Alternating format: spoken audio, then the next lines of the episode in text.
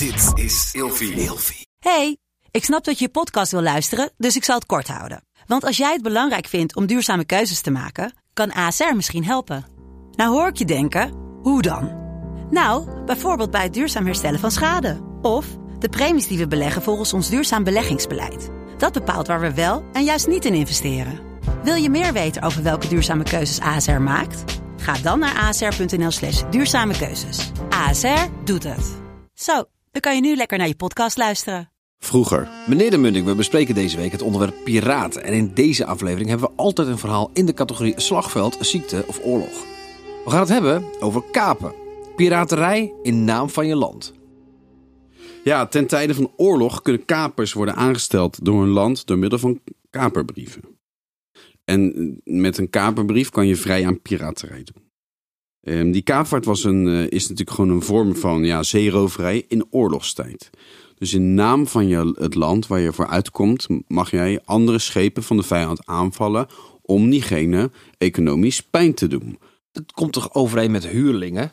Maar meer in de zin van, oké, we huren jou in, maar het buit mag je houden. dat is je winst. Ja, eigenlijk kan je het zo zien, ja. Maar de, ehm, ze moesten dus wel echt een aanzienlijk groot deel van hun buit afstaan. En je moest ook nog in je eigen middelen voorzien. Dus ja, het is wel lucratief natuurlijk. Kijk, bijvoorbeeld... Het is alleen maar lucratief, omdat het leger niet achter je aan zit. Zeg maar zeggen, Ja, de marine ja. laat jou met rust. Ja, laat je met rust. Dus kijk, en je kan ook wel gewoon een grote slag slaan. En je kan natuurlijk ook een beetje de boel, dingen achterover drukken.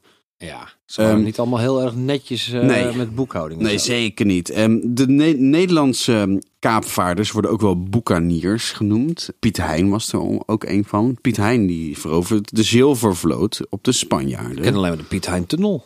Ja, nou, dat is dus van Piet Hein, de- Oh. de Nederlandse zeeheld. Hij verovert eh, de zilvervloot en het schijnt dat het dagen duurde voordat ze al het zilver over hadden geheveld van de Spaanse schepen naar de Nederlandse schepen. En daarmee kon dus weer de Nederlandse oorlog tegen de Spanjaarden worden bekostigd. Hè? Want met dat zilver konden huurlingen worden ge- gehuurd om in Nederland te vechten tegen de Spanjaarden. Soort sigaar uit eigen doos van de. Spanjaarden. Ja, absoluut, ja. Zeker, absoluut. Ehm, wat, weet je, dus eigenlijk ja, is dat heel erg ehm, lucratief.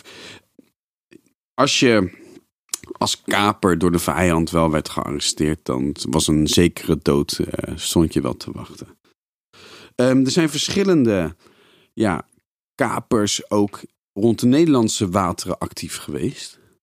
De, de watergeuzen hebben we het al eerder over gehad Zeker. waren gewoon kapers. Eh, de Duinkerker kapers, die, die, die, die waren dus voornamelijk ehm, gesitueerd rond Duinkerken.